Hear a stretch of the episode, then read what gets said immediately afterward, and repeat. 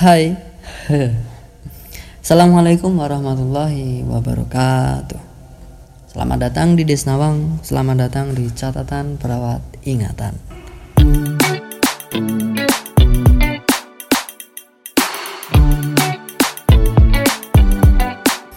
Uh, Podcast kali ini hadir pada hari Minggu 3 Mei 2020 bertepatan hari ke berapa ya?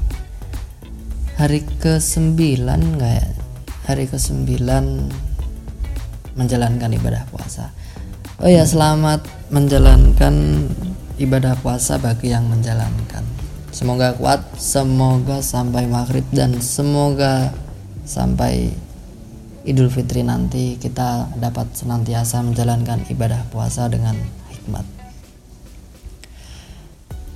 uh, podcast kali ini sedikit berbeda dengan podcast sebelum-sebelumnya karena saya akan mencoba membawakan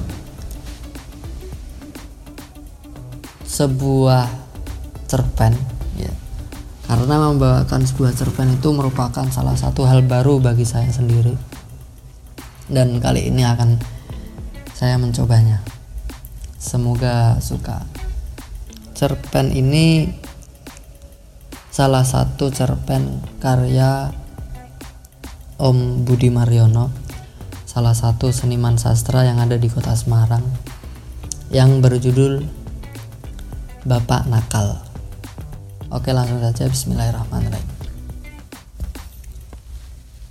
Bapak Nakal. Kamis 16 September. Sebenarnya Tia pun ulang tahun.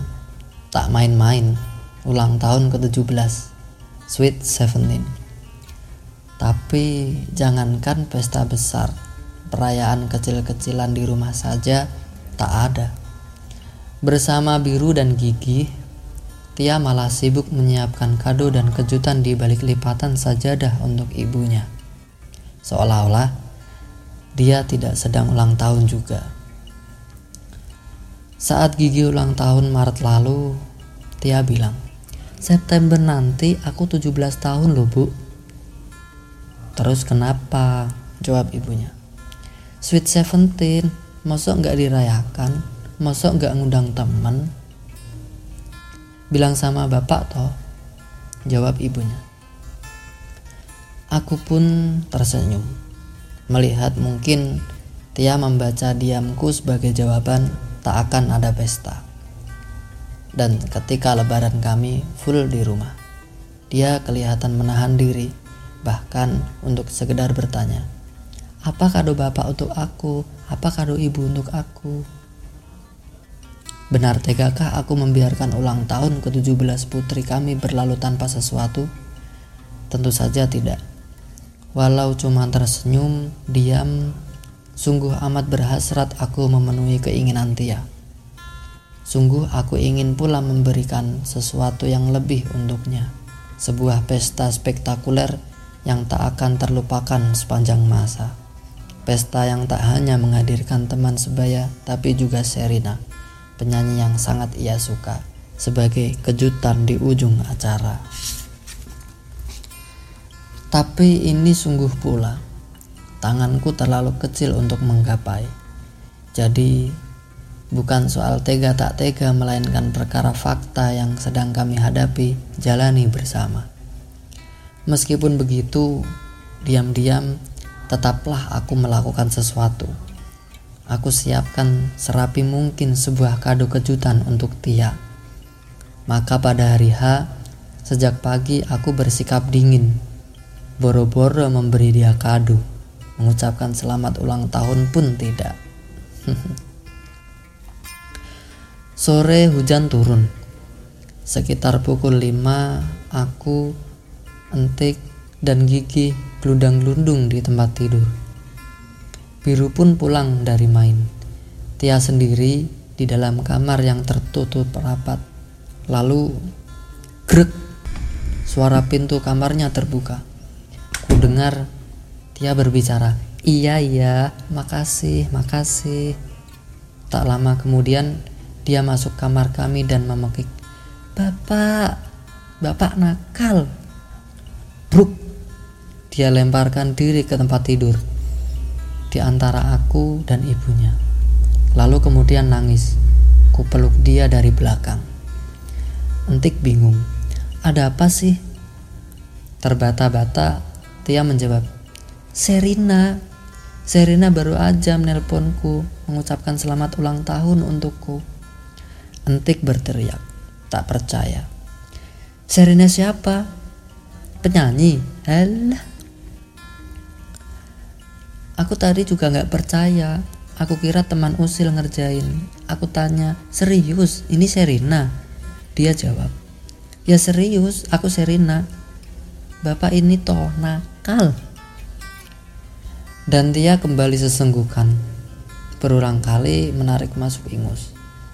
Antik pun makin tak paham sembari mengeratkan pelukan pada Tia dan menenangkan diri karena terguncang juga. Aku bertanya, Serina bilang apa aja, Nduk? Tia ya, selamat ulang tahun ya, yang ke-17 kan, selamat ya. Lalu Serina bilang semoga ini, semoga itu. Banyak sekali doanya, tutur Tia. Aku tersenyum dan bertanya lagi. Terus kamu bilang apa sama dia? masih tak lancar, Tia menceritakan, ya aku cuman bisa jawab amin, amin.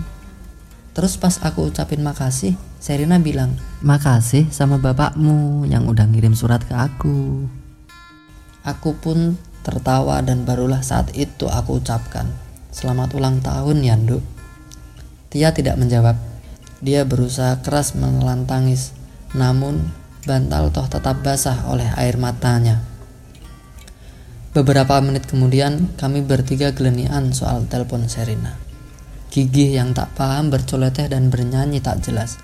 Menjelang maghriban, sekali lagi Tia bilang, Bapak nakal. Kali ini sambil mencium pipiku. Singkat kulihat matanya sembab. Dua hari menjelang lebaran, aku memang kirim surat kepada Serina surat seorang bapak yang ingin memberikan sesuatu pada ulang tahun ke-17 putrinya.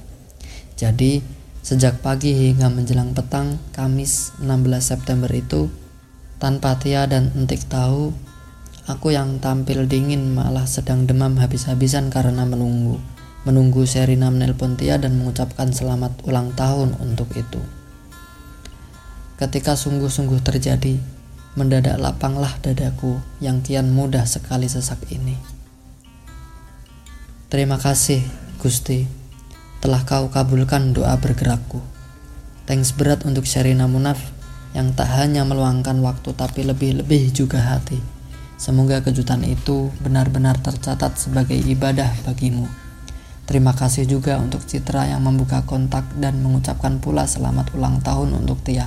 Sehat dan sukses ya dan terima kasih untuk unik yang telah memberiku alamat Serina.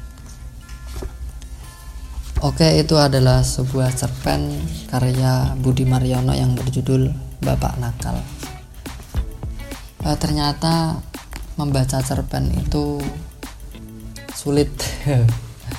Jadi kalau kita membaca novel, cerpen itu kita harus berusaha menyampaikan dialog-dialog itu kepada pendengar sesuai dengan karakter pada tokoh-tokoh yang diceritakan pada cerita pendek itu. Jadi itu salah satu kesulitan dalam membaca cerpen dan yang aku rasakan tadi. Eh, mohon maaf apabila ada masih kekurangan ataupun kata-kata yang salah, yang kata-kata yang mungkin sulit dipahami. Saya mohon maaf karena ini merupakan suatu hal baru bagiku. Um, cukup sekian podcast kali ini dari saya Alfa Debora. Wassalamualaikum warahmatullahi wabarakatuh.